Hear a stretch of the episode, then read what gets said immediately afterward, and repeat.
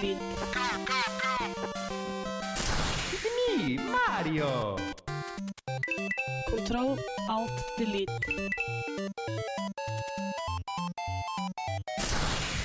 Unable to comply.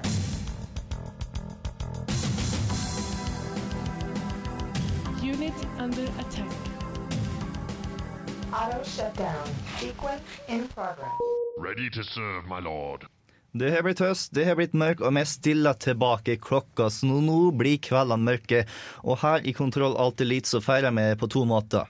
Første måten er å ta og spille mer. Ikke det at det er noen overraskelse, men vi tar også og feirer den mørke sida med spills spill, spill. Den mørke sida med spillene våre, nemlig skurkene våre. Og da er det passende at vi starter med Tom Waits med Badass Me.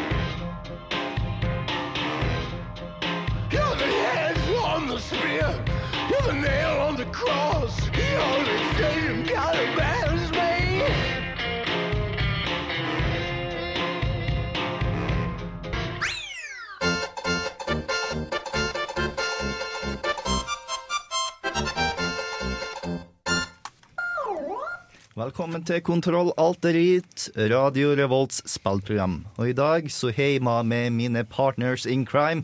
Først blant dem har vi Hallgeir Buhaug. Hallo, hallo.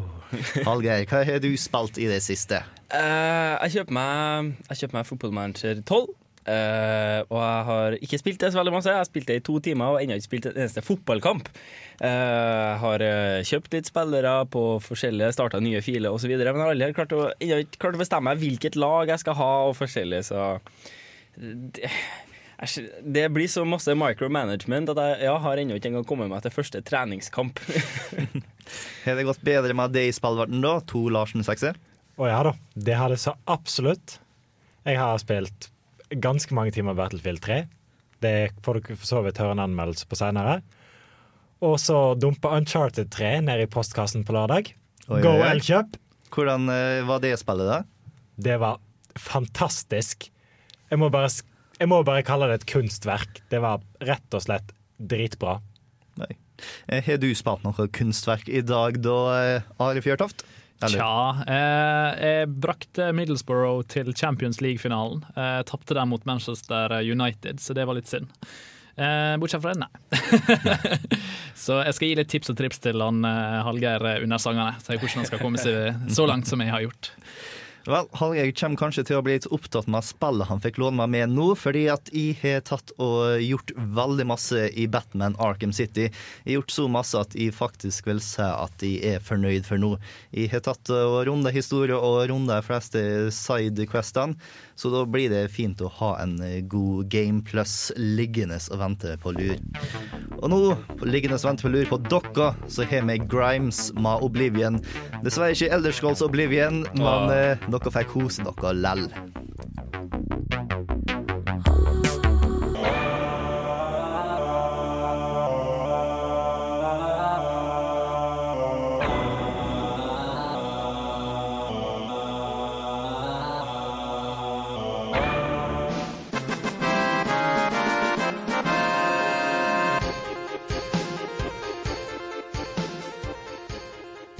Jeg vet ikke om dere, men jeg fikk veldig lyst til å spille Skyrim etter å ha hørt Oblivion med Grimes, men så har jeg veldig lyst til å spille Skyrim generelt. Jeg har eh, alltid lyst til å spille Vi har alle lyst til å spille Skyrim, uansett hva slags musikk vi hører på. Men vi må ta fortsatt og vente ei og en halv uke eller noe sånt igjen. Det er ikke så lang tid til. Det er akkurat Det er I dag er det ikke tisifra. Det er ni dager igjen. Ohoho. Jeg kjenner at eksamen står i fare Oh, herregud, og så låner du vekk Arkham City til meg. Liksom, det, det her på en måte har vært den uka jeg kan lese. Nei, jeg saboterer, vet du. Må holde det tilbake. Men eh, med, før vi begynner med Skyrim, så må vi nesten ta og diskutere hva som har skjedd i spillverden tilbake i tid, og ikke fremover i tid. Eh, for eh, det har kommet litt av hvert. Spesielt her i Norge så er det en kar som ikke likte Modern Warfare 2. Eh, han tok og politianmeldte Modern Warfare 2 pga. No Russian-delen sin. Og fordi at han mener at det ikke er noe som er samfunnsbyggende. Det er vel å merke at det her nå var en far til en av de som døde under Utøya. Men ja, hva er dere mener om det her nå i salen? samfunnsbyggende. Mm. Det, det er ikke akkurat så jævlig mange spill som jeg vil definere som samfunnsbyggende. Og når vi er- snakker om akkurat det å være samfunnsbyggende, så-filmene er de spesielt samfunnsbyggende, eller for den saks skyld Hostel-filmene. Det er ganske mange bøker jeg har lest som har vært ganske mye svada, som jeg ikke følte har vært så veldig så mye samfunnsbyggende. Jeg har til og med tatt fag som jeg ikke engang vil påstå er samfunnsbyggende. Jeg skal ikke politianmelde professorene i DM-fagene for det. Du har jo òg samfunnsbyggende spill, da. SimCity er jo fortsatt der ute. Civilization er vel bokstavelig talt samfunnsbyggende. Eh, men altså, det er vel en fars reaksjon eh, på at eh, sånne spill ikke burde være på markedet. Spesielt ikke når eh, ABB har liksom Visstnok så var det en VG-artikkel i dag som her er eh, spillene ABB spilte. Det er liksom sånn det virker som at spill fremdeles er eh, noe man kan skylde på. Eh, veldig lett skylde på. Og Istedenfor å gå grundigere, så bare stopper man der og så sier at dette her er deres skyld. Men eh, altså, det folk ikke skjønner, er at er man en bad guy, rett og slett, eh, så er man en bad guy. Eh, og treningsverktøyer man får tak i, kan være hva som helst. Man kan ikke banne flysimulatorer bare pga. 9-11. Det, det er akkurat det der det ligger. Yeah. At eh, man har Altså, man bruker det man har, eh, av forskjellige grunner. Noen gjør det for ondt, noen gjør det for godt. Eh, det er jo egentlig bare sånn verden er. Ja. Det er forståelig at en far som har opplevd noe sånt, ikke har lyst til at det skal skje. Men jeg kan ikke forestille meg at de som mister sønnen og døtteren sine i bilulykker, har så artig når bilreklame kommer på TV-en heller. Men, Eller at eh, folk spiller Need for Speed. Ja. Eller Burnout. Yes, nei, det, det er ikke artig for deg, men eh, sånn er dessverre verden er, og vi må rett og slett bare ta og leve i den. Men vi har andre ting på saken her. For eksempel så går det rykte om at eh, God of War 4 begynner å komme i verks. Eh, sa folka som holdt på å lage G eh, G God of War, ikke GTA. God of War 1, 2 og 3 holder på nå å søke etter nye folk til å hjelpe deg med et prosjekt som høres beskrivende ut som God of War. Hva er tankene dere om det her nå? Eh, Jeg har ikke akkurat fått med meg den eh, saken her, men er det snakk om at det er mer eller mindre verified at det er akkurat God of War det snakker om, Det eller er er, det bare, det er bare samme rykte. folkene som skal lage et spill? Det er samme folka som skal lage et spill som høres ut som God of War 4. Mm, okay. Så eh, det er godt mulig at vi har et spill som de ikke er spesielt original på. Bare har Nå skal vi slakte den nordiske mytologien, karer! Yes. Og, men, men kilden du har det fra, da, altså dette her at de ansetter folk mm. Folk sier ja, men alle ansetter jo folk. Ja. Nei, eh, de gjør ikke det når de nettopp har gitt ut et spill. Eh, Da ansetter du bare for å faktisk komme ut med noe nytt. Du ansetter ikke folk bare på måfå etter at eh, du er ferdig med ditt forrige spill. Eh, Så det er en logisk tanke å ta seg til at eh, ansettelse er lik nytt prosjekt, eh, og hvis det prosjektet er sånn cirka noe som kan minne om God of War 4, så er det God of War 4. Ja, det er jo sånn Spillutviklere ansetter jo ikke nye folk for å lage delelse. Nei, akkurat. Eh, hva, hva det var på en måte de skulle ansette folk for, vet vi det? Er det en stillingsbeskrivelse som vi har? Jeg Eller har er så ikke det den rett framfor meg, men eh, det var tekniske folk og alt sånt der nå. Så, Ok. Tvilere var, på, uh, tvilere var en sånn person som skal sparke folk, nei. Det, det tviler jeg på. ja. Men fra et spill som kanskje kommer ut til et eh, spill som nettopp har kommet ut, Battlefield 3 har både fått medgang og motgang. Uh, hvor mange spill har Battlefield 3 solgt nå, Tor? Uh, sist jeg hørte noe, så var det passert fem millioner. Det er sterkt. Det er ganske godt gjort med tanke på at det ikke har vært ute i mer enn hva ei uke. Det er, hvis du har solgt Det har vel ikke million- vært ute ei uke i Europa engang. ja, Har du solgt én million av et spill, så er det en suksess.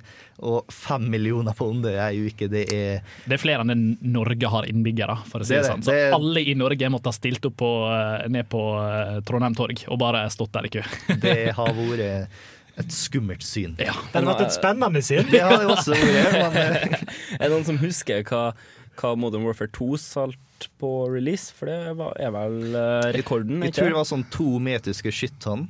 Ja, yeah. det tror jeg. Det var pisse mye, i hvert fall. Ja. Blir uansett spennende å se i etterkant hva faktisk stillingen ble eh, og blir eh, framover. Ja. Men eh, alt er ikke bra for eh, Battlefield 3, fordi at det kjente en god del eh, tekniske problem. Noen ble kasta ut, og det var ikke artig for alt sammen der nå. Ja, det er veldig overdrevet. Ifølge EA så har de hatt en oppetid på serverne sine på 97 av tida siden spillet kom ut. Så det betyr at det er de som De få Eller det kan jo være en del, men de som ikke kom inn, som skriker veldig høyt. Og alle de andre de er in game og spiller, så de sier ingenting. Men hva betyr det 97 oppetid? Betyr det at 97% av folkene får lov til å være innpå her? Eller at, At, eh, at serverne har vært operative 97 av tida. ja, for jeg tenker Hvis det er 3% av de eh, Fem fem millionene som ikke får til å spille, spille her Det blir, jo en, det blir jo en liten fanskare, det, ja. Eh, ganske mange. og. Og jeg kan skjønne det at de blir veldig sur, fordi de tror at dette her er noe som skjer med alle, men så viser det seg at ja, dere er You're the one percent. Men forhåpentligvis så er det noe som EA blir kvitt ganske snart nå, og så får alle sammen kose seg med Battlefield 3 frem til Modern Warfare 3 begynner å få de samme problemene. Men nå tar vi å avslutte nyheten, passende nok med Forest Fire med The News. Oh, Og herregud, eh, i løpet av denne sangen her nå, så burde dere ta og se GTA 5-traileren som nettopp er sluppet ut. For i neste stikk så skal vi ta og snakke om det. Vi har lagt den på Facebook. Facebook. Det har vi. Jinx.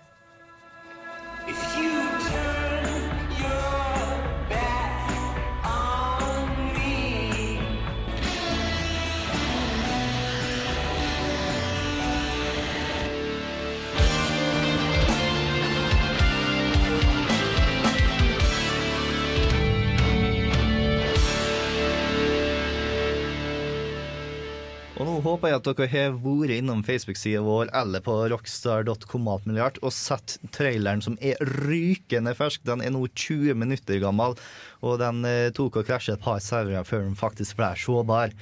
Og eh, nå har vi funnet ut hvor det skal være GT5. Det skal være i Los Santos. Var det GTA 5? Jeg trodde det var Sims 3 Bank Robber Edition.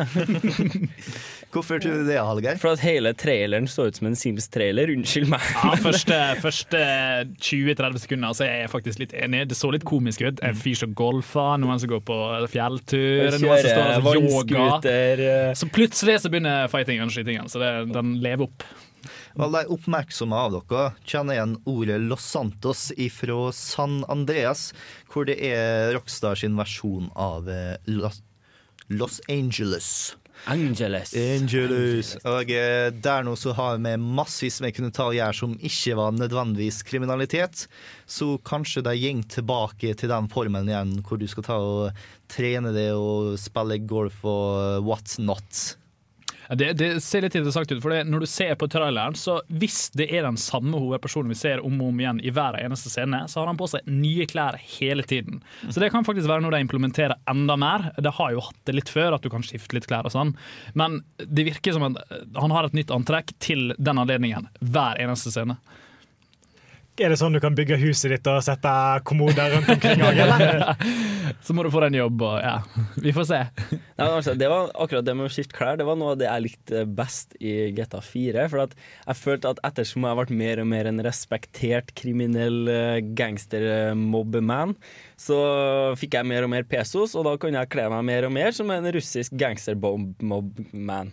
For ikke sant, da går du fra å gå rundt i treningsjakke og joggesko og army-bukse og, og banke folk på gata, til å drive eh, narkotikavirksomhet i eh, hvit dress. Eh, og det skal jo nevnes at uh, det lille jeg fikk med meg av det jeg antar er hovedpersonen, så er han uh, espanjol, altså han er mm, spansk. Uh, Utseendet han er meksikansk innvandrer, ser det ut som denne gangen. da.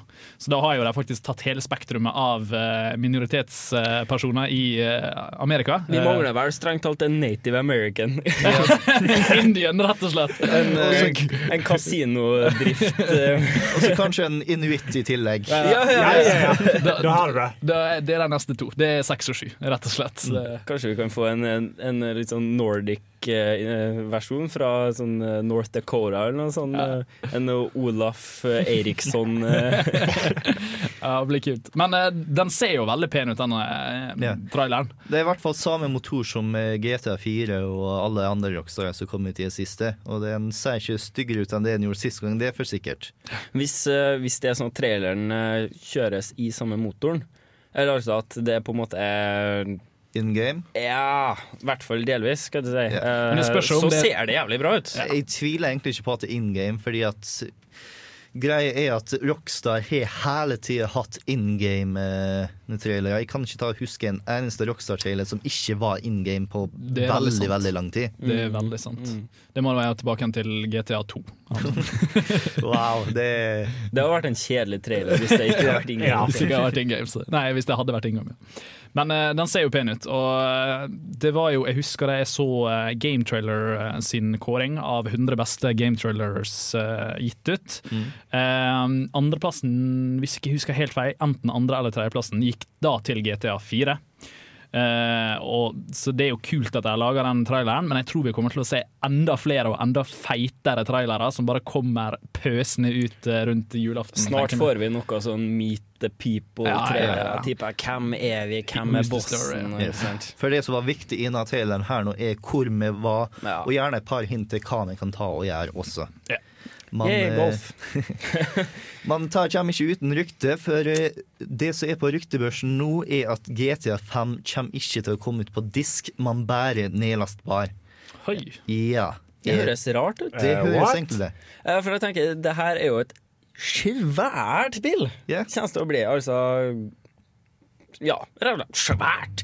Ikke sant? Og da blir det veldig rart, uh, syns jeg, om uh, altså, Greit nok på, en- på en PC. Du laster ned gjennom Steam, men det er veldig rart uh, på konsoll. Der er mange som har konsoller med veldig lite lagringsplass. Uh, spesielt du tenker folk som har Xbox Arcade og sånn. Uh, Det ekskluderer jo folk med Xbox Arcade. Ja, rett og, rett og slett. Det, det går ikke an å spille på en Xbox Arcade. Det går nesten ikke. Altså, Det der kommer til å bli så svært at det blir nesten litt dumt å laste ned til en Xbox med liten harddisk som ikke er Arcade. Ikke sant? Men det skal jo sies det at uh, Jeg husker ikke hva spillet var nå, men det er ett spill som er gitt ut nå nylig. Rage var det. Uh, det ble jo gitt ut på flere disker. Det har, trend har ikke vi sett siden 90-tallet. Battlefield 3 På- kom jo ja. på flere disker. på disker. flere til- disker fordi ja, det er for stort til Xbox. Ja, til Xbox. For Xboxen har ikke nok uh, kraft, er det vel? Eller de, den kjører for ned den gamle DVD-formaten. Ja. Så Ja. De skal de, de, de skal vel oppgradere DVD-formatet. Det husker jeg hørte noen rykter om i fjor, tror jeg at de skulle oppgradere eh, formatet fordi at uh, hovedsakelig mm, antipiratgreie. Og nå har de egentlig i stor grad tatt knekken på piratene med nye oppdateringer. Men det er jo et dårlig tegn at Xbox begynner virkelig å faktisk merke det at uh, skiftet til Blu-ray blir for kraftig for deg. Ja, Men Eh, vi ser jo masse rykter da, om at Xbox eh, kommer til å lansere en ny konsoll konsol, til neste E3. Så det, det blir spennende å se, egentlig. Eh, men eh, hvis det faktisk kommer med nye konsoller We har jo allerede sagt fra, vi kommer. Eh, og da må jo kanskje GTA faktisk introdusere dem på deres plattform også. Og nå som Xbox kanskje kommer med ny til ny etter det, og så igjen eh, kanskje PlayStation 3, kanskje rett og slett én nedlasting som er den nye. Eh, Det har kanskje vært litt artig dersom GTA 5 ble lanseringsspill til VU. Det har vært en stor endring både for Nintendo og for Rockstar. Men det har ikke vært en dum idé i hele tatt. Ah, Ja! Vi får ta og tenke på det mens vi hører på Mungolayan Jetset med Bella Lenai.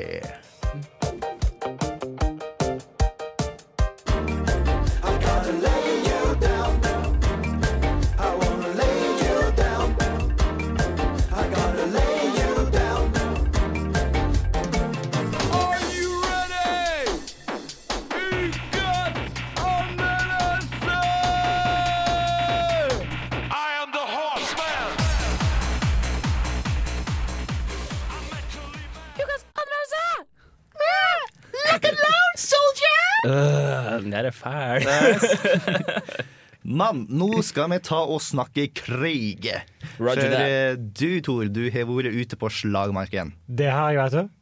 Du har anmeldt Battlefield 3 for oss, så jeg håper at alle dere hjemmesoldater nå hører godt etter, for nå skal vi høre på en anmeldelse.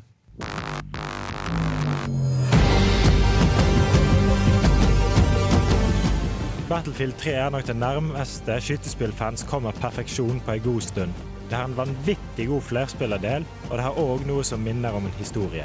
Men er du på jakt etter noe du kan spille med venner i de små nattetimer, så kan jeg fortelle deg at jakten, den er over. Dersom du bare skal spille flerspiller på ett spill framover, så er det definitivt Battlefield 3 du må spille. Store, åpne kart med fly, helikopter og mange andre både pansra og ikke pansra kjøretøy. Du føler deg virkelig som en del av noe større. For dine prestasjoner har direkte innvirkning på hvordan det går for laget ditt. Og det er ikke noe som kan måle seg med å samarbeide med både fly, helikopter og panservogner for å ta et kontrollpunkt.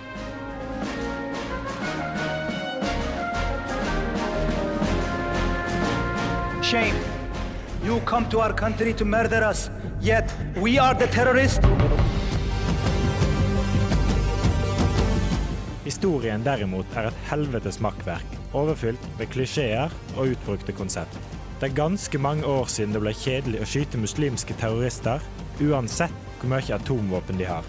Og når russerne etter hvert kommer med, så tar det helt av. I tillegg så kan en ødelegge veldig mye mindre av omgivelsene i enkeltspillerdelen, noe som til slutt gjør den til en dårlig parodi av flerspilleren og andre skytespill.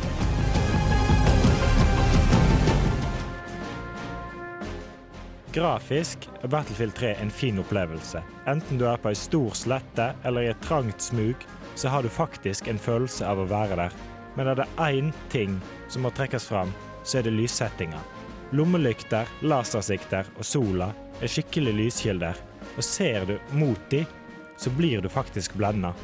Det gir deg en veldig autentisk opplevelse når du springer rundt i trange, mørke smug og plutselig så ser du bare lyset av lommelykta til han som løper andre veien.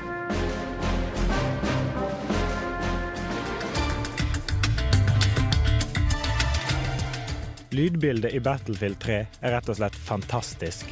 Du hører hver eneste kule suse forbi hodet ditt, og ikke minst kan du høre folk som prøver å snike seg innpå deg. Alle bevegelser lager lyder, og beveger du deg for nært en busk, så hører du busken rasle når du går forbi. I det store og det hele så er flerspillerdelen en flott opplevelse, der grafikk, lyd og kart kommer sammen i en fin harmoni, mens historien er latterlig.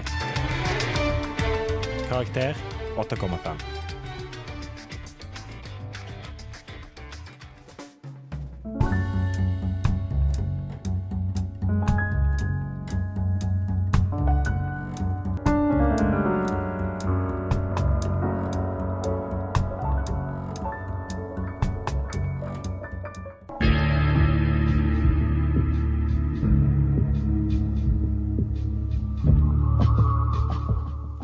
Yes, det var litt av et spill. Jeg har faktisk spilt ta en del sjøl, og jeg kan ikke si meg så altfor uenig med det, for historien var ikke så spennende, akkurat.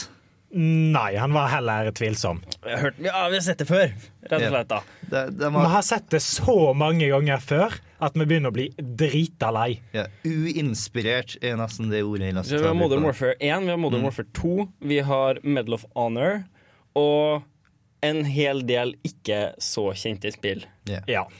Heldigvis så er det ikke singleplayer vi spiller Battlefield 3 før. Nei. Det er multiplayeren, og den er kos. Den er fantastisk. God grafikk. Maps, eller kartene, er veldig fine. De aller fleste av de. Noen Du har de litt mindre, med gater og hus og Rett og slett i bysentrum. Og du har de store, åpne kartene som stammer fra Battlefield 2 og 1942 og Vietnam. Og det er en spesiell følelse med et stort, åpent kart med litt skoger, litt hus. Å drive og fly rundt og se på alle tanksene som kjører rundt omkring og skyter, rive ned bygninger og trær og Du kan jo ta, I Battlefield 3 så kan du ta en tanks og kjøre rett gjennom en skog. Trærne er ikke hindringer engang. Nei, men uh, jeg føler meg litt som en gammel gubbe når jeg tar og spiller Battlefield 3. Fordi at jeg ser og tenker Nei, jeg gjorde noe ting litt bedre i Battlefield 2, ja. Jeg savna kommandøren, og så likte jeg mapsa bedre og alt mulig Har de tatt vekk kommandøren? De har tatt vekk er kommandøren. tatt vekk. Men det er jo på en måte greit, for stort sett så var kommandøren en eller annen tulling som tok, bare tok den rollen for å få dobbelt med poeng hvis laget ditt vant. What? Og ikke Ja. minst sette seg i et hjørne og kalle inn bombeangrep var jo ganske gøy. Ja, Ja. du fikk lov til å sjefe lite grann. Ja. Og så bare sa den skåden her, du skal gå hit nå. Da, da ble det Og så var det ingen som hørte på deg. Ja, vel. Det, det sugde. Men det var sånn eh, når det var en av karen som var sniper og lagde en sin egen squad og var langt borti hytteheia og ikke var på en strategisk plass, så var jeg sånn OK, du skal få forsyninger, du. Rett oppå det! Eller å, squad, dere gjør ikke som jeg sier. Bombeangrep på dere. Ja, ja. Eh, Du blir ikke kommandør lenge på den måten der, men det var likevel underholdende. Det er jo sånn, er du, kom, er du den på serveren med høyest rang, så er kommandørstillingen permanent din. Da kan du gjøre hva fanken du vil. Med Man- mindre du blir banna fra serveren. Ja. Men eh, når jeg tok vekk kommandøren, så var det noen par gode ting vi fikk tilbake. Sånn som eh, lys. Ja, ikke minst. For du kan jo I Battlefield 3 så er jo alle lyskildene skikkelig Så hvis du ser på en lyskilde, så blir du blenda. Og kommer det en fyr mot deg med shotgun med flashlight add-on, så ser du bare en sånn eh, svær lysende sak. Og så er du antageligvis død før du eh, i det hele tatt finner ut hvor inni den lysende saken fyren faktisk står. Ja, det er faktisk sånn at når jeg spilte Battlefield 3, så måtte jeg av og til myse for å se om det var noen folk som var i uh, forgrunnen, fordi at jeg så ingen verdenstegn når jeg så rett mot sola. Det er herlig at de eh, implementerer lys som en eh, taktisk eh, Hva skal jeg si et taktisk element. Eh, du nevnte jo annet at du kan sitte på et tak med sola i ryggen, så vil ikke folk se deg på bakken. Eh, jeg liker det. det, det Nei, De kan det- ikke se deg, men de kan gjette seg til at du er der. Ja, ja. Hente tanksen, og så river han hele bygningen under beina dine. Gått eh, litt vekk fra dere bloom effects og sånn som du så på spill på midten av 2000-tallet, sånn Oblivion og sånt, der egentlig bare alt lyser. Mm. Og det ser helt forferdelig ut. Nei, men eh, Battlefield 3 er et spill både jeg og Tor mente burde kjøpe, som har kjøpt det, og forhåpentligvis så er vi ikke alene der nå. Vel, vi har fem millioner som er enige med oss, men jeg regner med at det kommer til å bli enda flere. Hvilken konsoll bør det spilles på? PC. PC. Mm. Det, det er ikke spørsmål engang. Jeg har spilt litt på PS3. Det ser ikke like fint ut. Og generelt PS3 med analogstikker. Come on! Mus og tastatur for the win. Men eh, nå tar vi og hører litt sånn på Bob Marley sin sønn Damien Marley. Oh, med yeah, man. Set Up Shop.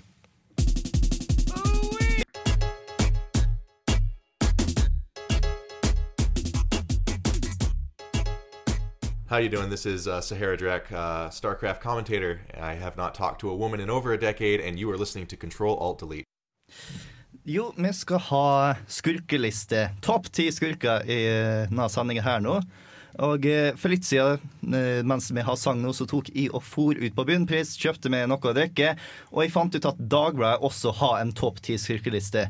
Riktignok var ta topp ti spill Breivik har spilt.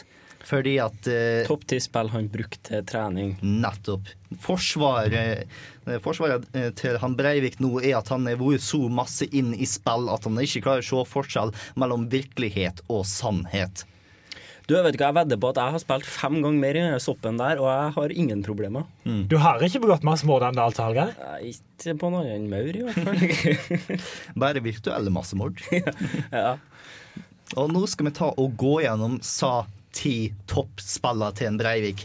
Nummer ti True Crime. Nummer ni Baldur's Gate Dark Alliance 2. Nummer sju ja. Nummer åtte Jeg er dårlig på å telle, skjønner jeg. Eh, Lord of the Rings Return of the King. Hardcore tolv års aldersgrense. Gode gud. Nummer sju Legacy of Kane. Nummer seks, Unreal 2, The Awakening. Unreal 1 går ok, da, men. Nummer fem, Mace Griffin, Bounty Hunter. Nummer fire, Dungeon and Dragon Heroes. Nummer tre, styggspillet Max Payne 2. Nummer to, Call of Duty Modern Warfare 2. Og nummer én, verst av de verste, er World of Warcraft. Jeg må bare si én ting før, før vi begynner å dissekere dette her. Hvordan kan du lære noe som helst om våpen eller krigføring eller drap av Lord of the Rings, Return of the King? Du løper rundt med et overdrevet stort sverd og slakter orker eller står som Legolas ene- og skyter fire piler om gangen. Det eneste man lærer av uh, Return to King-spillet, er en sånn Det kom jo ut uh, noen måneder før filmen, så det eneste man fikk, var en liten spoiler på hva som egentlig kom til å skje. Jeg, jeg, jeg tror faktisk at ellevteplassen uh, var Kirbys Big Yarn Adventure, fordi Altså, det er Sims, da, mann. det, det er liksom det, Kabal! Jævelen spilte kabal! det, det er liksom Det er så rart at jeg skal plutselig ha sånn dobbeltsideoppslag og Det er slått opp over tre sider, faktisk. Yeah. Altså, det tre? Det er tre sider. Altså, dessuten, det virker som at de er så oppsatt på å ha en topp ti-artikkel. Altså, for at de har faktisk, hvis de har fjerna Lord of the Rings og Baldur's Gate, så har faktisk det lista her fått litt mer kredibilitet i mine øyne. Kanskje det er Dungeons and Dragons-greiene òg, da. Ja ja, greit nok det. Jeg tenkte, det var ikke der MMO Det, vir det virker mer som en liste over ti- topp ti OK spill fra 2000 til 2009. Det, det er liksom Max der- Payne 2 er jævlig bra. Ja, det er liksom Det er ikke bare det, men de klarte å dele opp sånn at Max Payne 2 og The Fall of Max Payne ble hver sin egen tittel her. Ja, det, det er tydelig at vi snakker om noen Yeah. hardcore spillkjennere her, yeah. altså. Og eh, dere husker den artikkelen som kom ut ganske rett etter Utøya-saken, hvor seks forskjellige personer tok og skrev om hvor forferdelig spill var. Mm. Gjett hvor mange forfattere som er på denne artikkelen her nå. Én. Ti. En for hvert spill. Det er seks personer. Jeg skulle ikke altså, overraske det, det er bra. Nå har de tatt dataspillene. Det er bra. Nå har jeg lyst til å vite topp ti frokoster han Anders Behring Breivik hadde eh, i perioden 2005 til 2007. Jeg føler det er viktig. Jeg føler det er viktig. Det, det har stort utfall for hans eh, hjerne. Så eh, Jeg tror tull. Det er han, eh, det er en del subtile beskjeder i øynene til frosken Smert. Topp ti altså. sko han hadde også.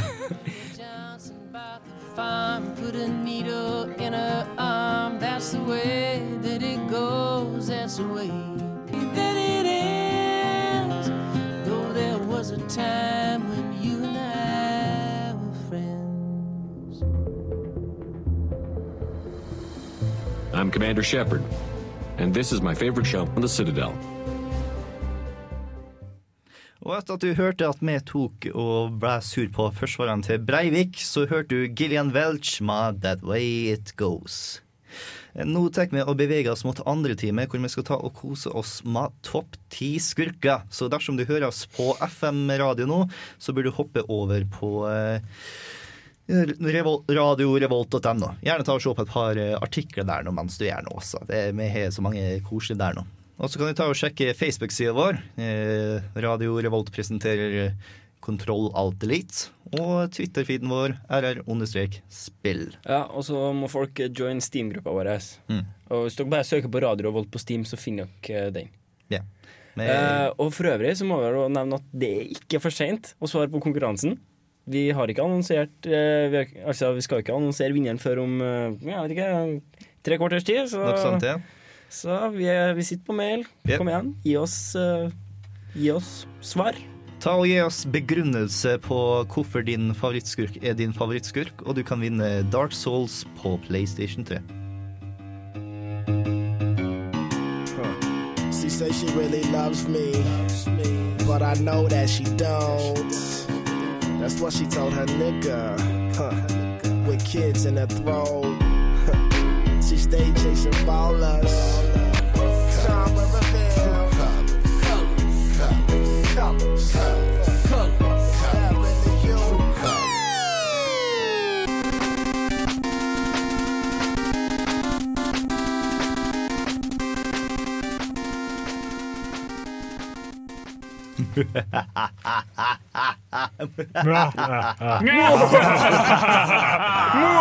Jeg fikk veldig sånn uh, Dr. Evil, uh, Evil Lair-følelse her. Og hvorfor fikk vi det? For at alle sammen sitter rundt bordet. Ja, nei, vi tenkte mer på eh, at vi skulle ha skurkelig sitt. Oh, ja, Litt klart. bedre radio for eh, alle våre lyttere der ute. Yes. mann som sagt, skurkeliste. Vi kommer til nå å gå gjennom de ti beste skurkene, i vår mening. Eh, Nei, nei, kanskje ikke- udiskutabelt de ti beste Yes, skurkene. det er objektivt ti beste skurkene. Har du noen annen mening, så uh, Tar du feil. Ja. Skal du gå og legge deg? Yes. Men ikke før sendinga er ferdig. Men eh, hva er det som gjør en spillskurk god i deres mening? Først og fremst at den ikke er god. Ja, å, nice, det var god synk. Eh, at den er eh, Den må enten være grusomt ond eller totalt sinnssyk. Helst en kombinasjon. Ja, helst. Så- uh, som flere av eh, folkene på lista er. Gjerne det. Jeg, liker at mine skurker er unødvendig ond. Altså Helt totalt unødvendig ond. Selv om der du ikke trenger å være ond, så er du ond.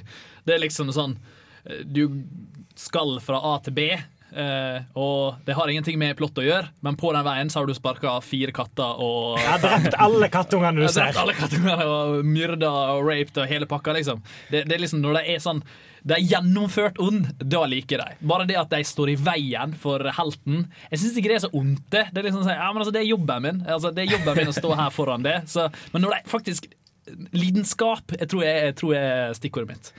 Altså, jeg, jeg liker det veldig godt når du på en måte ikke skjønner hvor slem eller ond eller whatever Hvor, hvor, hvor slem de er før litt ute i spillet. Når det er liksom sånn, du introduserer og tenker liksom, ja, det her er kanskje en litt sånn comic relief bad guy, og så bare Holy shit, he murdered all those children! Liksom. Ja, men det er gjerne det spillskurkene nesten er nødt til å gjøre. fordi at i motsetning til bøker, film og tegneserier, og sånn her nå, så tar vi oppleve historien gjennom eh, hovedpersonen, som er helten. Og det er svært sjeldent at eh, helten henger sammen med skurken, bortsett fra hvis skurken er ute etter å ta han. Så da får vi svært sjelden sånne personlige scener med skurken som sitter der og eh, tar og tenker gjennom alle disse mørke tankene sine. Så eh, da har jeg nødt til å gjøre det i eh, sammenheng med helten, og da gjerne gjennom grusomme, grusomme handlinger. Dessuten så er jo skurkene mye mer spennende når de løper rundt og slakter ned folk, enn når de sitter og i den der tenkende mann-postituren og min, vurdere hva de skal gjøre neste gang. Minner meg om han der skurken i Inspector Gadget. Er det noen som husker han? Next time, Gadget! Han sitter, Next time! Han sitter der alltid med den katten sin. Det er alt han gjør. Det er alt han gjør. Han gjør ingenting. Nei, men uh, han trenger ikke gjøre mer. Nei, han er, dok, dok, nei, han er vel Dr. Evil. Nei, det var- jeg Dr. Claw. Dr. Claw. Yes. Men eh, gjerne, hvis det skal ta og komme og ruin your shit, så er det gjennom en bosskamp. Og da er det noen artige karer fra The Game Station som lagde en parodi på Like a Boss-sangen, som vi skal ta og høre nå, som eh, handler om videospillbosser.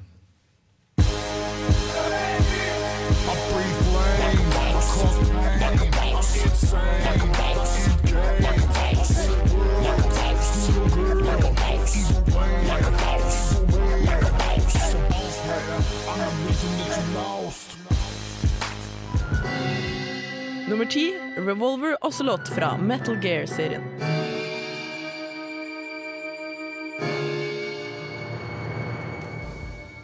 Revolver Oslot har fått navnet sitt fra den utrolige måten han håndterer sine seksløpere på. Det er profesjonelle sjonglører som er sjalu på evnen hans til å få ladde våpen til å fly grasiøst imellom hendene. Og da har vi ikke nevnt den robuste treffsikkerheten hans enda. Six bullets. More than enough to kill anything that moves. Men det som gjør Oslot til slik en interessant skurk, er at du aldri vet hvor du har han. Uansett om det er agenten som skal stanse en atomtrussel, eller terroristlederen som truer med atomvåpen, så er du aldri trygg for Revolver Oslot. Firdobbelagenten med sin egen agenda. Akkurat hva den agendaen er, er aldri lett å se. Men det betyr gjerne at de fleste fiendene får en kule mellom øynene, og de såkalte allierte får en dolk mellom skulderbladene. Uansett hva situasjonen er, så ender Oslot alltids opp på den vinnende sida, med mindre situasjonen involverer en cyborg-ninja med et samuraisverd. What?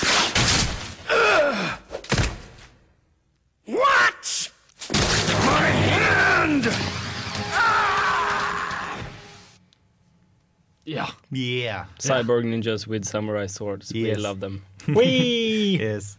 Men er mange her som har spilt eh, Metal Gear Solid? Jeg må ærlig innrømme at uh, av de skurkene på lista her, så er vel eh, han her eneste jeg ikke har noe forhold til.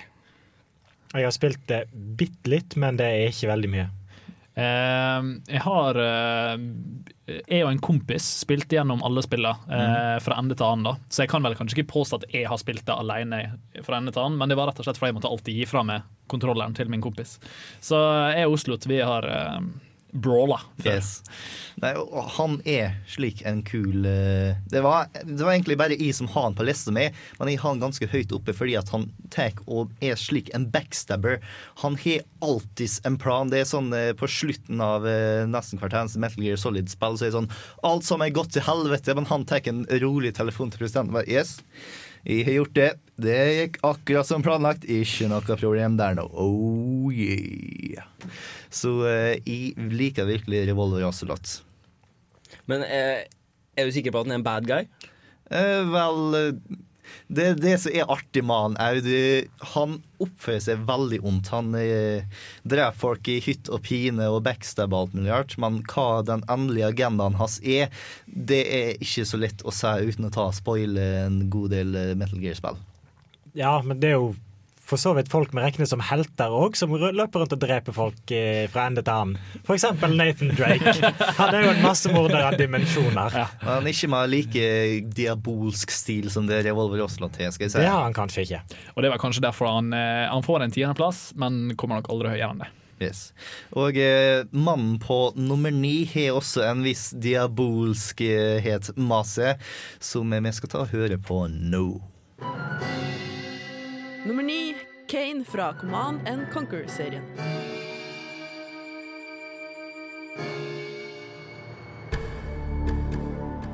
Hvis det er en spillskurk det er vanskelig å portrettere, så må det være hovedantagonisten i Command Conquer-serien, nemlig Kane.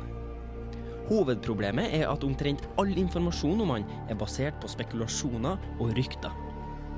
Lederen for den flere tusen år gamle organisasjonen The Brotherhood of Nod er en mystisk person.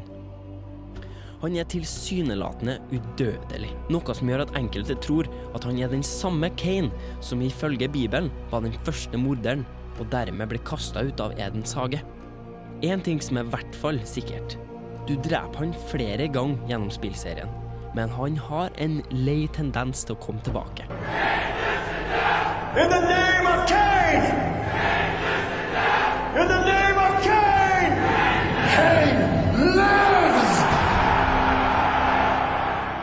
Og som det står i Bibelen, så er Kane udødelig. Og den som dreper Kane, skal få en straff sju ganger verre enn den de utøvde på Kane. GDI kan sikkert skrive under på det.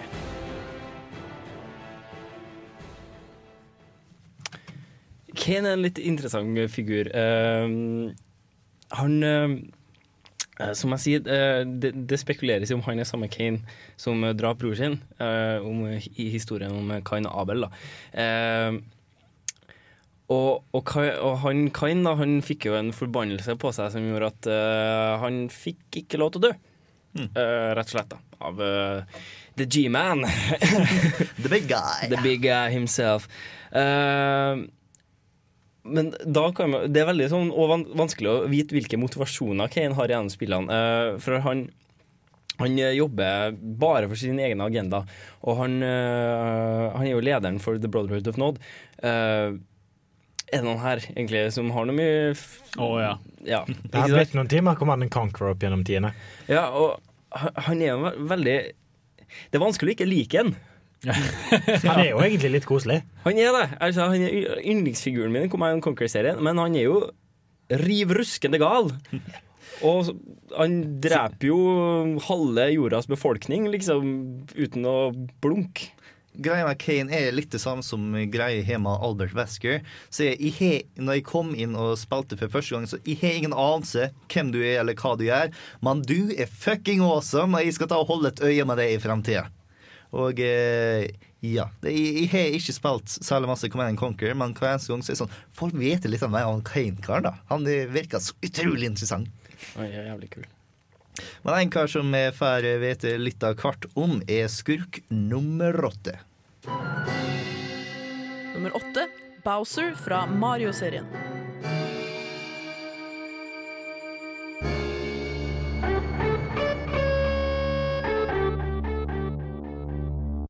Også kjent som King Koopa, Bowser er en av de eldste fælingene på denne lista. Men tross det, så er han også på mange måter den mest harmløse.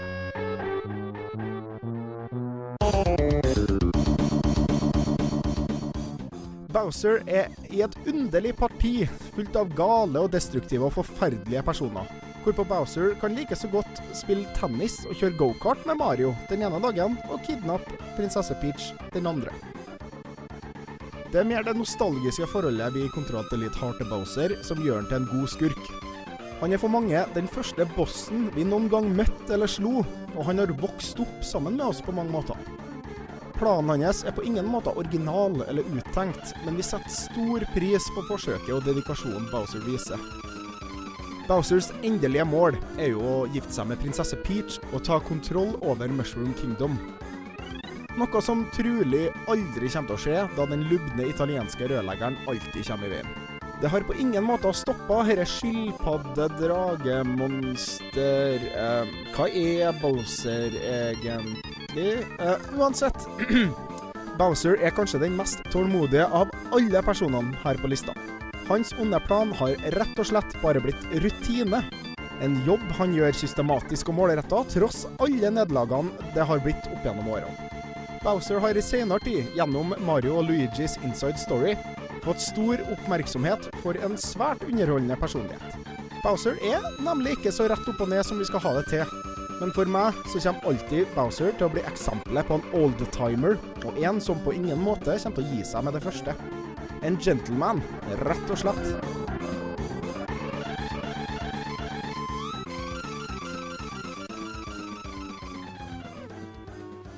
Det finnes vel knapt nok en mer essensiell videospillskurk enn Bowser. Det er sånn Når vi tenker på siste bossen, så er det gjerne Bowser som tar og dukker opp og spyr litt grann ild i hodene våre. Jeg rekker opp armen av dem som, eh, altså, som hadde Bowser som sin første bosskill.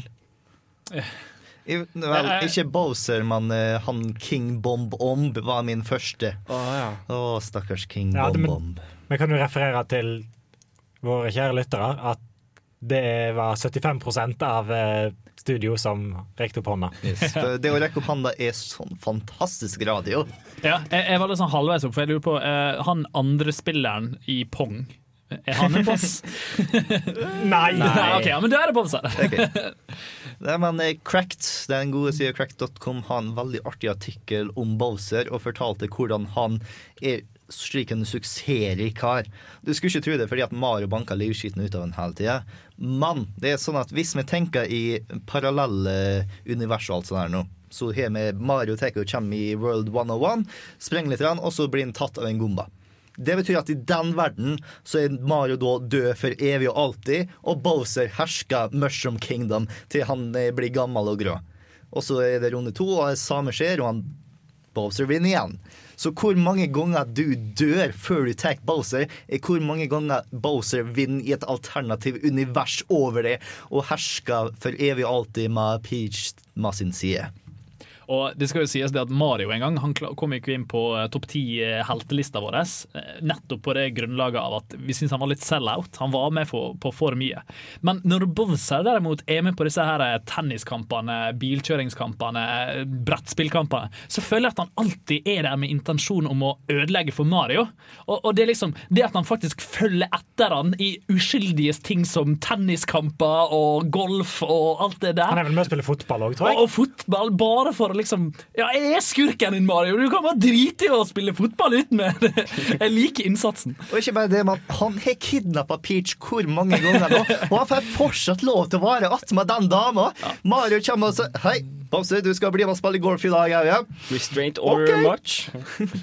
Det er en weird Shotgun world. match? ja, det har vært interessant.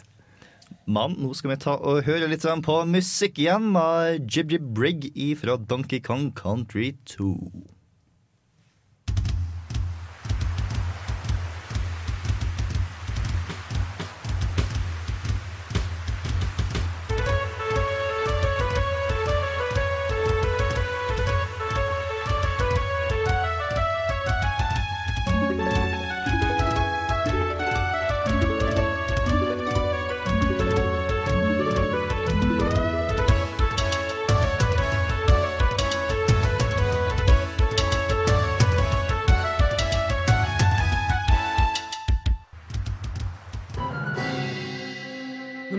Sarah Kerrigan fra Starcraft.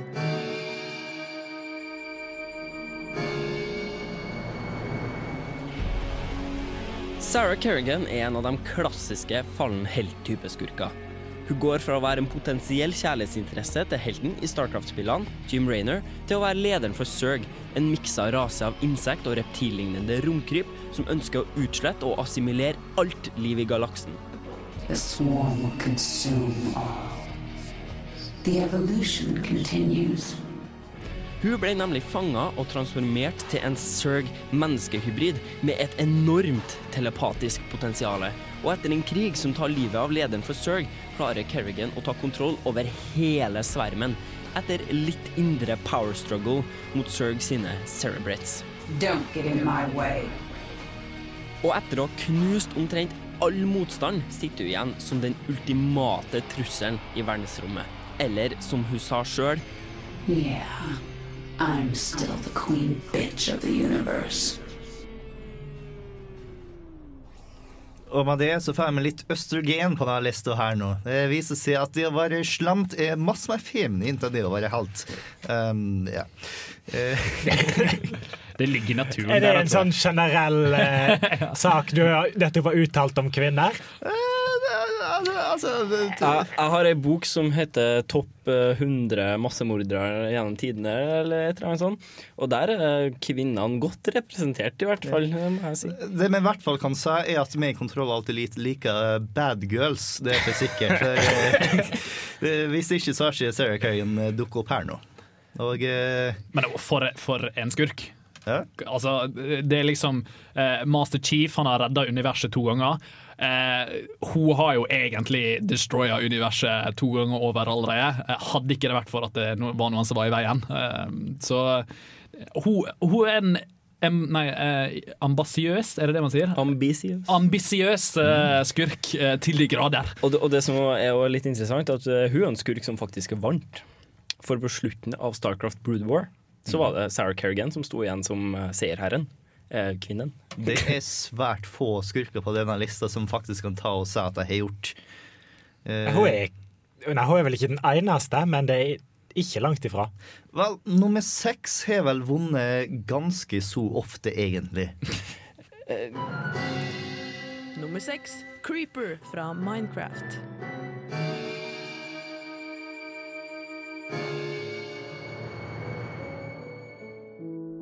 Creeper fra Minecraft er definitivt en av de verste skurkene på denne listen. Ikke fordi Creeper har et stort mål om verdensherredømme og underlegge alle mennesker til slaver, men fordi den enkelte greit har en eksplosiv nysgjerrighet. Likevel, etter nøyere analyse av denne grønne skapningen, så har vi faktisk kommet frem til en viktig del av creeperens motiv. Hva, spør du? Jo, nemlig det at ah! Faen! Ah! Helvete, Scott. Og han ødela halve studiet! Hva faen, da?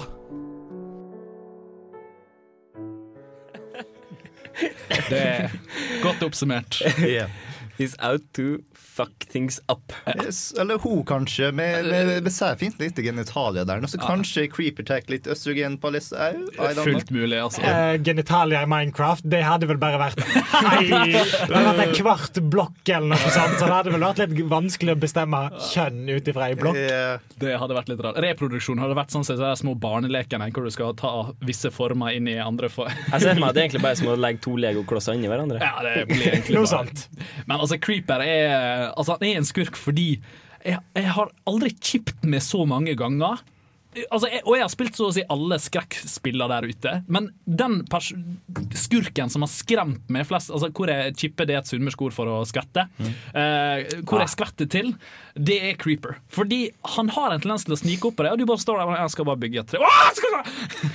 Og det, det, det, den følelsen han jeg sitter igjen med av Creeper, rett og slett. Av at han er en bastard. Douchebag. Han er rett og slett en skikkelig douche. Ja, han er en douche. Uh, men som, som jeg sier, han har en eksplosiv nysgjerrighet. da Så det er ofte bare det han sier. Hei, hva du gjør på? Hei, hva du gjør på? Problemet er bare at han har en eksplosiv uh, nysgjerrighet. Kanskje han blir så gira at det liksom sånn, «Wow, hva er det?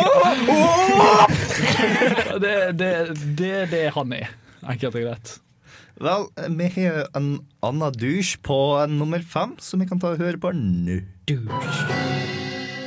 Nummer fem, LeChuck fra Monkey Island-serien.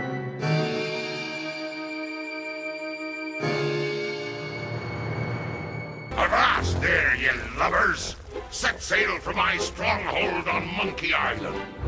I'll unleash my entire army of the undead. This time, Elaine will be mine.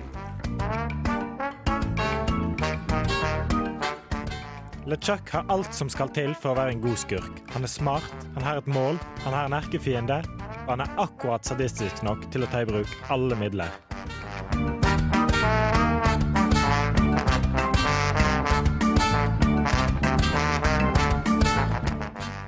LeChuck har en udødelig kjærlighet for Elaine.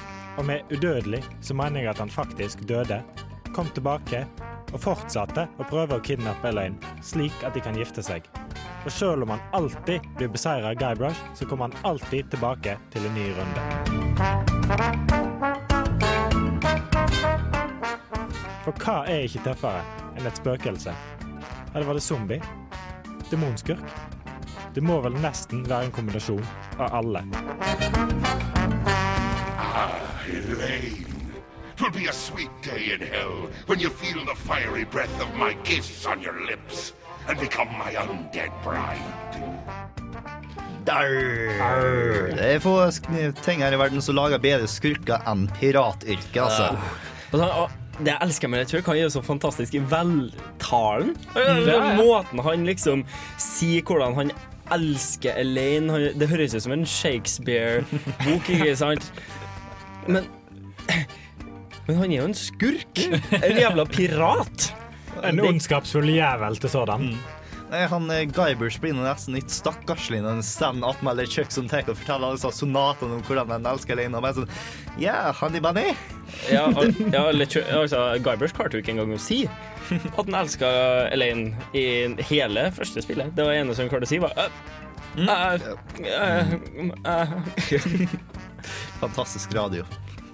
Uh, uh, um, men han, det artige med LeChuck er vet du, at han tar og endrer form for hver eneste spill. Vet du. Han starter som spøkelse, og så finner han ut Nei, nå har jeg lyst på kropp, så da blir jeg zombie. Og så etter det så ble han for en eller annen grunn eh, en demon, og så ble jeg bare merkeligere deretter. Jeg syns det er fantastisk at en, et spøkelse blir en zombie. Det er liksom bare sånn LeChuck som bare bestemmer seg for det. det. Det er ikke noen andre grunner. Det er ikke noe sånn voodoo-mekanisme bak det hele. Bare sånn, ja, Det er vel voodoo som gjør at han blir eh, demon? Ja, Ja, og, du, og forresten, det er voodoo som gjør at han blir en zombie. For at LeChuck daua, ble et spøkelse. Spøkelset daua, så da gjenoppleva de Kroppen. eh, kroppen ved bruk av skjegget til et spøkelse. Yes. Tror, nei, jeg, for sånn. Jeg tror det hører med. Kompliserte planer hører med å være skurk. Og LeChuck han eh, får full stjerne på den. Definitivt. Nei, Monkey Island har kanskje veldig bra manus når det kommer til vitser, men sjølve plottet um, er det Ja. The. Det trenger, ikke, det, det trenger kanskje ikke det beste plottet når sverdfightinga går ut på å kaste insults, og så kaste insults på rim. Ja. Enough said. Yes. Har ikke spilt Monkey Island, så spill Monkey Island. Både Guybers og uh, LeChuck er på listen vår når det kommer til viktige helter og skurker, så da står Monkey Island definitivt på listen over viktige spill. Mm, definitivt. Men uh, nå skal vi ta og høre på en sang, og du har funnet tak i noe artig til oss her nå, Are. Det er Frape Snowland remix. Ja, eh, det er Jeg liker remixer av videogamesanger. Fordi det blir liksom remikserens remixerens egen hjerne som lager sin versjon av eh, den sangen, som faktisk er alle kjent og kjære i. Kanskje til og med litt irritert av, fordi du har hørt den en million ganger. Fordi du skal prøve å runde bare akkurat det brettet der. Men eh, da er det ekstra behagelig å høre sanne, fine versjoner som dette. Jeg hater jo så snømenn som en av banerne. Ja, så det de fra uh. Så jeg håper liksom å, å, å liksom Det folk har bygd opp aggresjon bakerst i hjernen av den mappet, jeg, jeg håper de bare kan løsne det nå. Hvilket spill? Mario Kart 64, selvfølgelig.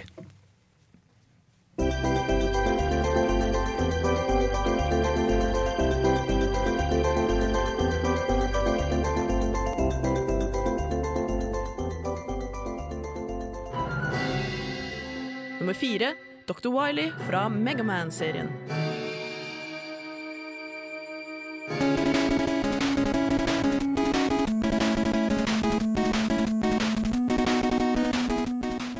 Det er mange kriterier som skal fylles for å være en skurk, og det å være doktor er absolutt en fordel.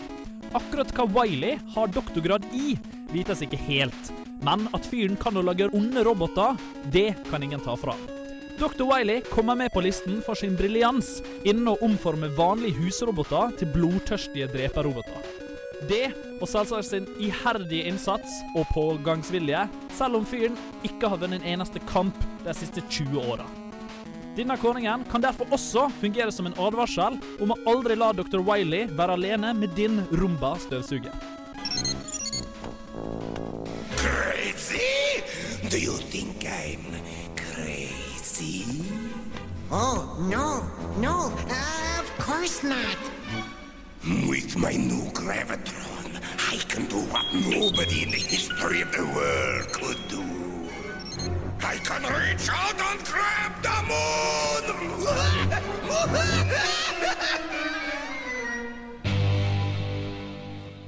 Og dersom eh, Bowser vinner eh, sånn million ganger fordi at eh, en million folk har tatt game over i Mario, så må det være sånn en milliard ganger Dr. Wiley har vunnet. Ja. Går mot uendelig. Ja, det går mot uendelig. Eh, og det jeg liker med Dr. Wiley, det er at han er en mad professor. Eh, det kommer ikke så godt frem i spillet, har jeg funnet ut sånn i, nå i ettertanke av Jeg må bare påpeke han er en mad doktor, ikke en mad professor. Det er en forskjell her. Han gikk det. ikke på professorskole. Nei, det er sant, det. Han er en, i alle fall en mad scientist, Yes. Uten eh, tvil. Og han Altså, jeg, I researchen til denne her eh, topp 10-en, så har jeg sett disse her eh, tegnefilmene til Megaman, som jeg husker ikke hvor det kommer fra, men da blir jo han eh, profilert, da. Sånn Sånn er Dr. Wiley. Og han er crazy! Han er batshit crazy! Og hele plottet i første sesongen går ut på at han skal eh, få månen ut av eh, jo, altså, sånn, den eh, gravitasjonssirkelen. Som også er en del av plottet i eh, av, hvis jeg husker feil. Eh, men bare måten han fremstiller det på, er fantastisk. Den er morsom. Han er crazy, crazy, crazy eh, tvers igjennom. Og så lager han veldig bra roboter. Sammen med Dr. Light. Light. Jeg føler Dr. Wiley kunne ha hatt mye mer suksess om han ikke hadde laga roboter som er på en måte, hva heter det, en sånn motpoler til hverandre. For eksempel, her lager vi Woodman. Hvorfor lager du da Metalman?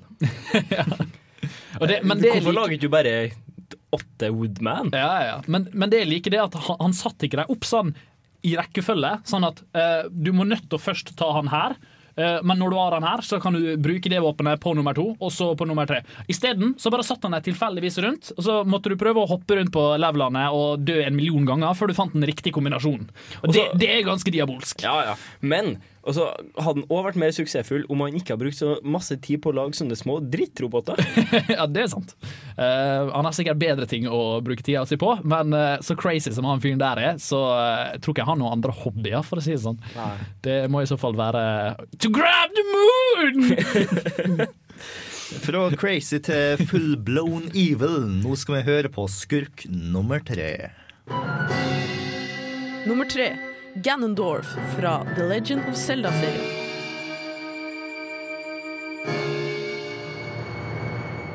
Ganondorf topper ikke bare denne lista i ren ondskap, men også i skamløshet og kompetanse. Etter at tjuvekongen lurte en viss helt til å åpne opp en portal til Suosa-himmelen, så spaserte han rett inn for å skaffe seg Triforce og bli gud. Dessverre for han så var han så ond at Triforcen i stedet splitta seg og viste Ganondorf at han innerst inne var et ufyselig grisemonster. Dette ville ha ført til tvil og sjelsøking hos en mindre skurk. Men Ganondorf erklærte seg like godt ondskapens konge, invaderte hele verden og var så stor drittsekk mot alt og alle som overhodet mulig. Sjøl etter at den tidligere nevnte helten kom tilbake og forviste han til en annen dimensjon, så ga ikke Ganondorf opp. Han kommer støtt og stadig tilbake for å kidnappe prinsessa, erobre verdener og prøve å samle Triforce igjen.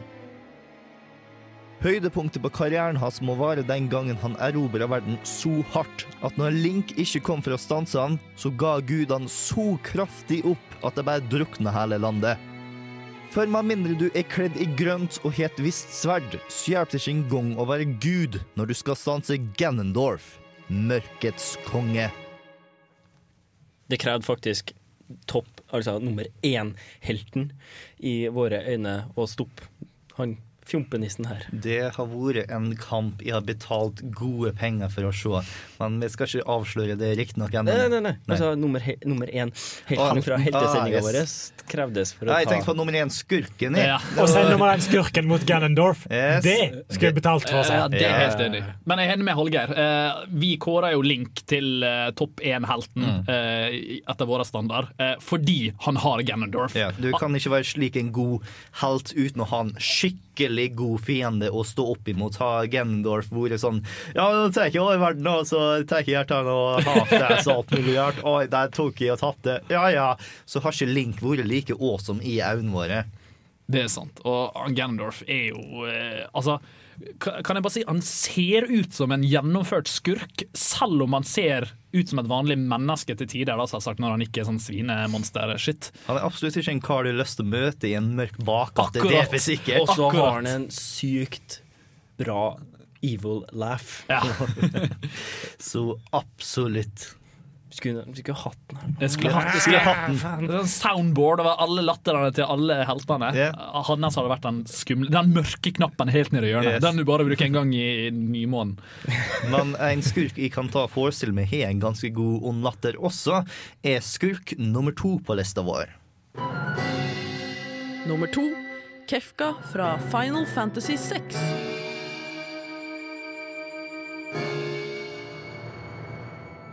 Kefka Palasso, også kjent som The Psycho Clown, lever, puster og handler bare for én ting. Total, absolutt ødeleggelse av alt som finnes noen gang ever.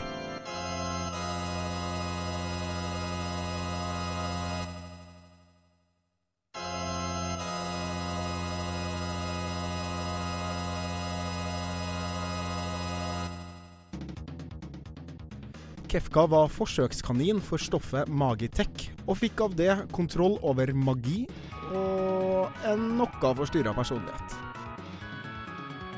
Man kan tenke seg Kefka som en krysning mellom Josef Stalin og Charlie Sheen, totalt blotta for empati og hodet oppi ei hesterumpe gal, i klovnedrakt. Gjennom Final Fantasy 6 har Kefka noen av spillseriens beste dialog, en notorisk kjent latter og en glimrende bossfight. Han er den eneste som kan måle seg med fanbasen til seriens andre mest kjente antagonist, Sephiroth. Og han går han en god gang, spør du meg.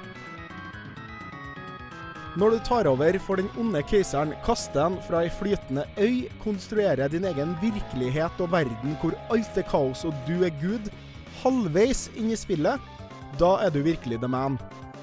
Kefka er en nihilistisk, overveldende destruktiv, vittig og intelligent folkemorder som gjennom spillet bare blir sterkere og sterkere og ondere og ondere. Gjennomtenkt og ond tvers igjennom. Kefka er grusom og forferdelig. Og du elsker han for det. Og tross alt det her, så stiller han faktisk gjennom hele spillet i et klovnekostyme.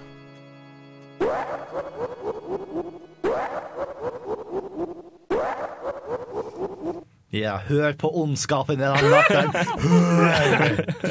Jeg liker det rytmen i, i latteren. Det er ikke den typiske Det Nesten som man spiller en slags melodi med den onde psykopat-latteren. Og så har han det morsomt mens han gjør det. Men et spørsmål. For det det er jo sånn stor helteting, eller skurkting, og utslette verden. Men hvor ond må du være, og hvor sinnssyk må du ikke være for å gå ut på å utslette verden? Du er jo for så vidt en del av Z-verden.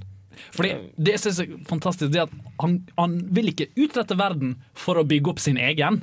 Det er ikke det han vil. Han vil bare utslette verden. Punktum. At du har tatt et par filosofifag, så det sånn Jeg kan forstå hvordan tankegangen her kommer fra. Det var sånn Har med fri vilje og hvor absurd livet er og alt mulig rart. Så bare sånn OK, sure, jeg kan forstå hvorfor noen bare sånn fuck this shit. Jeg har ikke lyst til å ha sånn Jeg har ikke fri vilje uansett, og hvis jeg ødelegger verden, så hei, det var ment å skje. Jeg har ikke noe problem her nå. Yes. Det hørtes ut som The Matrix. Det høres litt sånn ut, ja, men uh, filosofi er et sært fag. Det kan jo bare være at han er gal. Ja. At han bare f føler for det. Han virker i hvert fall sånn. Jeg har egentlig spilt fint lite Final Fantasy-spill, men uh, Kefka er en av de karakterene som frister meg til å plukke opp Final Fantasy-spill. Og dessuten, bare navnet Bare navnet sier Kefka. Altså, det, det er nesten sånn fuck you. Det, det er litt sant. Kefka. Kefka. Den hena harde K-en. Kefka. Fuck. Kefka. Dobbelt opp. My God. Samme som Khan fra Yes. Star Trek-serien. Du må ha denne her Khan eller Kefka. Det, det ligger i navnet. Jeg, jeg syns Bowser det, det er litt sånn ah, Det spretter litt på tungen. Det, er Bowser. Bowser. det funker ikke helt. Er Derfor jeg liker King Cooper enda bedre. Fordi det er King Cooper. Yeah, yeah. Harde K-er, det er ingenting som er mer in your face enn en hard K. Det er det Ku Klux Klan òg fant ut. Oh, du har en ting som er litt mer in your face. Det er navnet til vår siste skurk. Nummer én GLaDOS fra Portal.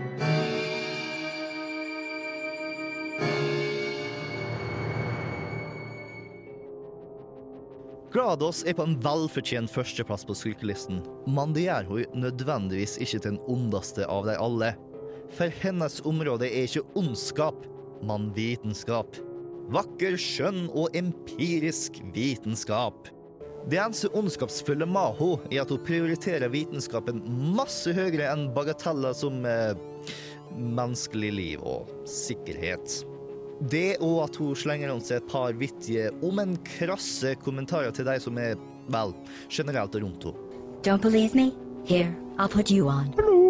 That's you. That's how dumb you sound. You're not smart. You're not a scientist. You're not a doctor. You're not even a full-time employee. Where did your life go so wrong? Ironisk nok så er det mest appellerende med denne menneskedrepende maskinen hennes menneskelighet. Portal tillater oss å få et nært innblikk på en passiv-aggressiv, skadefro narsissist som leker med spilleren som en stakkarslig forsøkskanin. Hun blir en merkelig blanding av nemesis og kompanjong når hun er det nærmeste du kommer sosial kontakt i de tomme korridorene til Aperture Science. This plate must not be calibrated to someone of your generousness. I'll add a few zeros to the maximum weight. You look great, by the way. Very healthy. Og tross alt finnes det en bedre følgesvenn i vitenskapen enn en virtuell morsfigur som prøver å drepe deg og samtidig fornærme vekta di. OK, vel, kanskje et par, men få er like underholdende som Glados. Det artige var når vi skulle ta og sette sammen denne lista her nå, er at det var veldig variert hvem som var med på det. Individu... individu det er forskjellige Individuelle. listen. Yes. Man, Glados toppa nesten alle listen. Eh, Jeg Det tror var- samtlige i rommet her nå har Glados på det tipp-tipp-tapp. Ja. jeg hadde den ikke Du jeg, hadde jeg, jeg hadde den nest høyest, tror jeg. Mm. Jeg har nest høyest og dere to eh, Jeg hadde, jeg hadde på på, topp. på, Yes. topp. Enkelt og greit. Fordi det, er en viss simplisitet bak hennes ondskap eh, som fascinerer meg. Eh, altså, Hun er ikke den typen som dreper mor di. Hun er den typen som du sier, eh, kommenterer på vekta di. Eh, Hun er på en måte en blanding av den onde stemoren og den gale professoren eller vitenskapsmannen. Det er vel for så vidt mer gal vitenskapsmann enn ond stemor i den miksen. For hun er jo ikke direkte ond. Hun er bare riv ruskende gal. Jo, men hun er sånn stemor. Sånn, eh, jeg liker ikke det, og jeg har sånne passive-aggressive kommentarer til å få det til å føle Ja, dårlig. det Du flyr så sånn. grasiøs som en eh, ørn på en eh, sånn, hva heter det igjen, luftskip. Yes. Men det er vel det som er så fantastisk med Gladys, det at hun, hun er alle karakter... Altså eh, karakterismene eh, Karaktertrekk. Ja, karaktertrekka til en ond person uten å nødvendigvis være en ond person, som han eh, Tore påpeker. Du er bare totalt hensynsløs. Ja, det er akkurat det. Og det er det som gjør at hun har alle trekka uten å være ond. Eh, Det er det som gjør henne så fantastisk. Riktig. Det, det er deilig, rett og slett. Det, det, det, hun var forfriskende når hun kom ut, kan jeg si det. Hun var veldig forfriskende som en, en hovedskurk. Og som jeg tok og nevnte tidlig i den andre timen her nå, så er spillskurker har den bakdelen at de bare kan ta og vare her nå når helten er her nå. Så med mindre slest så møtes de ikke så ofte. Mm. Men Glados er nesten hele tida i lag med Kjell i løpet av Portal-serien, og det gjør at hun, du får et veldig godt og intimt inntrykk av hvem Glados er, og dermed som liker med henne såpass masse som vi gjør. Mm. Og, og det jeg liker med GLaDOS, det er at det var faktisk hun som bakte kaka. Det er noen som tenkte over det, for du får kake i Portal 1. Det, det er sluttskjermen. Det, noen må jo ha bakt den, og det var Gladys. Og vi drepte nettopp den personen Det som kan jo lagde ha kake til det. vært Companion Cube, da. Ja, den sto plassert på Companion Cube, og jeg aner ikke hvordan en Companion Cube skal lage. Kanskje det er en sånn knapp som utløser en sånn Kanskje det er en stekeovn egentlig? Men hvordan skulle GLaDOS bake kake? Nei, det er ikke godt å si. Det, hun gjør nå alt. Det, det som absolutt er å anbefale, eh, det er å eh, prøve å google The Girl Behind Gladys. Som da er masse sånn artists som har sett for seg hva som er inni Gladys. Fordi Gladys er jo en slags form, det ser ut som masse tuber og sånn. Men det er noen som har drevet og tegna hvor det er en sånn jente, eller en dame, da, som er liksom knytta og binda fast inni denne her eh, lille boksa til Gladys. Det ser dritkult ut når de kunstnerne har ja, fantasert seg fram. GLaDOS var jo egentlig en personlighet som var bakt inn i en PC for å bringe selskapet videre. Mm. Eh, var Catherine, var det ikke det? Mm. Og, og programmert av den dummeste personen han klarte å finne. det ja. Men det fascinerende med Gladys er jo hun finner jo Catherine, og hun blir jo liksom snillere. Og Spoiler alert. Ja. Vi skal vel kanskje ikke si det, eller? Ha, Dere er nå advart. Det er de neste fem sekundene ikke hør på. Hun sletter jo Catherine, og det er jo egentlig ganske fantastisk. Hun sletter seg sjøl? Hun sletter den snille delen av seg sjøl, egentlig. Og bare blir, går enda dypere i ondskapen og sinnssykheten. Jeg skal vedde på hun sa sånne ting som I don't like you, goodbye. Yes. Men eh, nå skal vi ta og høre på litt sang før vi tar og kårer vinneren til Dark Souls-konkurransen vår. Jeg vil bare si jeg må stikke nå. Uh, sorry, folkens, men dere får ta konkurransen alene. Jeg har tapt eh, et veddemål, så jeg må være med på Zumba. Ta bilder. Oh, herregud.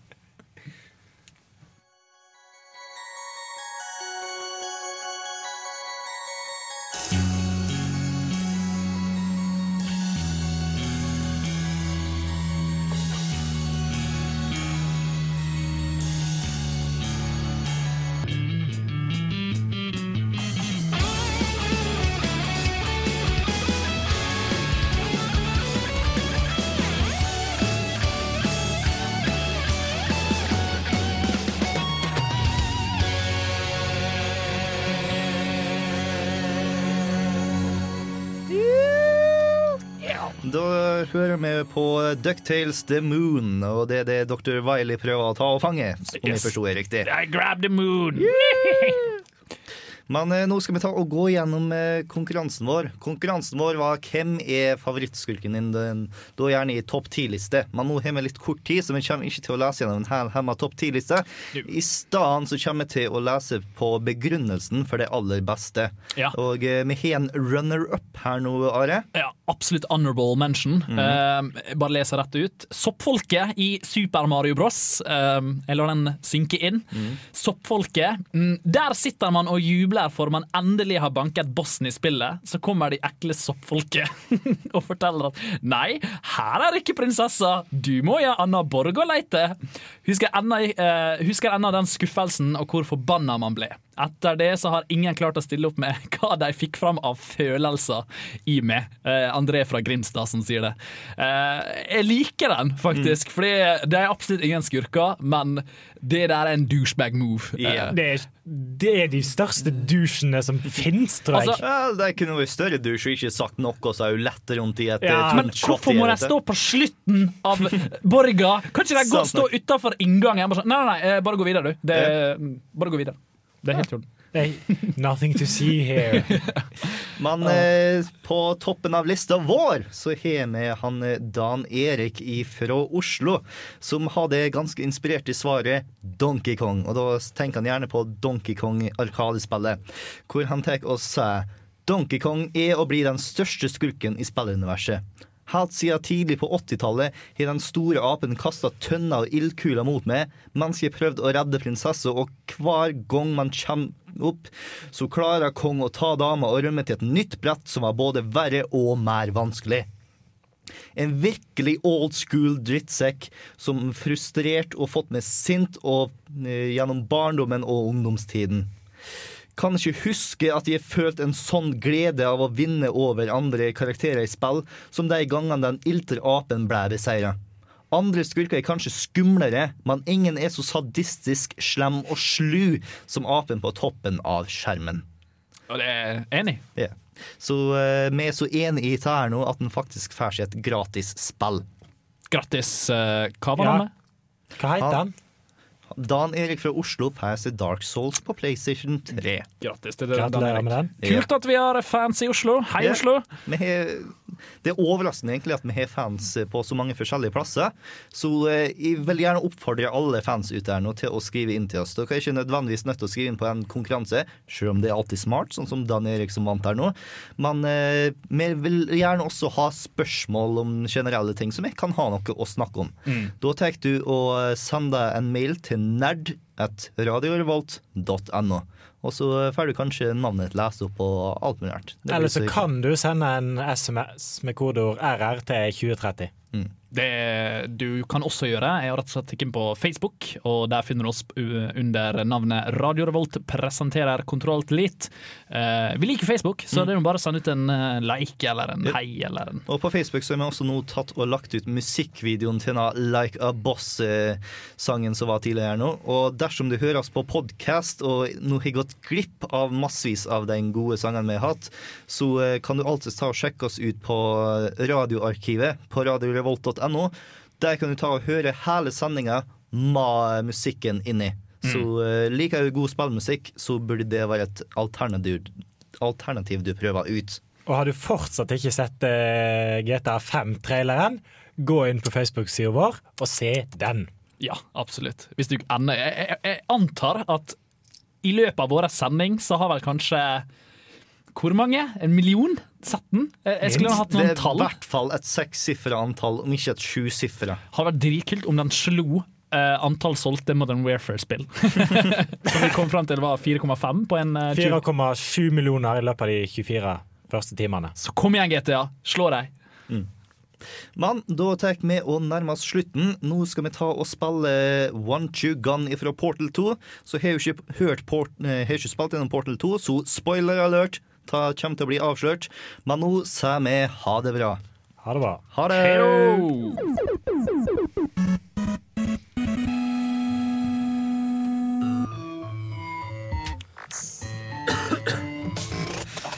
Well, here we are again. It's always such a pleasure. Remember when you tried to kill me twice? Except I wasn't laughing. Under the circumstances, I've been shockingly nice. You want your free.